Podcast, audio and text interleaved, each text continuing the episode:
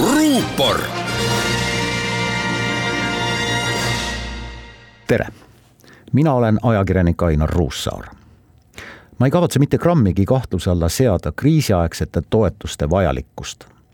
ilma nende toetusteta oleks mõnes majandusharus, rääkimata paljude inimeste eludest, ikka päris pime olla. ükski pimedus ei kesta igavesti ja selles usus me ju igapäevaselt ka elame suur küsimus on selles, et kui jälle valgemaks läheb, ma pean silmas viiruse taandumist ja normaalse elu taastumist, kas me oleme siis nutikamad? selle sõna kõige otsesemas tähenduses. pealkirjastasin kommentaari sellest, mida me kriisi järel teeme senisest teistmoodi ja nutikamalt üheteistkümne miljardi euro küsimuseks.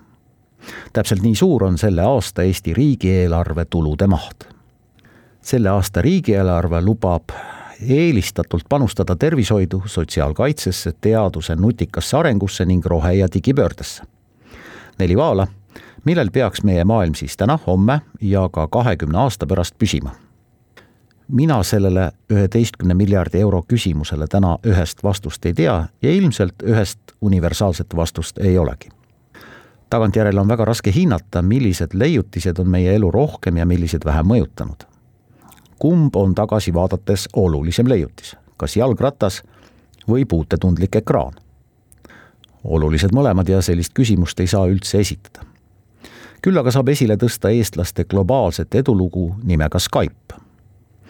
eestlaste leiutiseks võib pidada ka mobiilset parkimist ja veel kümneid, kui mitte sadu meie elu mugavamaks muutnud lahendusi, mis omakorda on andnud hoogu majanduse ja tehnoloogia arengule kuna ka teiste riikide nutikad ei maga, siis on võidujooks vägev. seda enam, et mõneti on meie elukorraldus nüüd jäädavalt muutunud. seda tuleb tunnistada, tahame või ei. meid koduseinte vahele sundinud piirangud on muutnud ka tarbimisharjumusi. mõned on avastanud mugava maailma tellida toit koju, mis omakorda on pannud roogade pakkujad oma menüüdele nutikalt otsa vaatama mõned investeerivad reisimise asemel varasse mõned koguvad asju. rohkem või vähem jälgime me kõik igapäevaselt meieni jõudvaid statistilisi arve, mis positiivse ja negatiivse skaalal tekitavad teatavat segadust. minus küll tekitavad.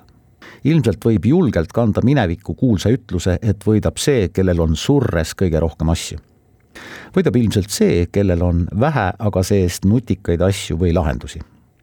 võidavad uued ideed, mille plahvatamiseks tundub praegu olevat parim aeg parim aeg julgelt katsetada ja püüda teha teistmoodi, uutmoodi.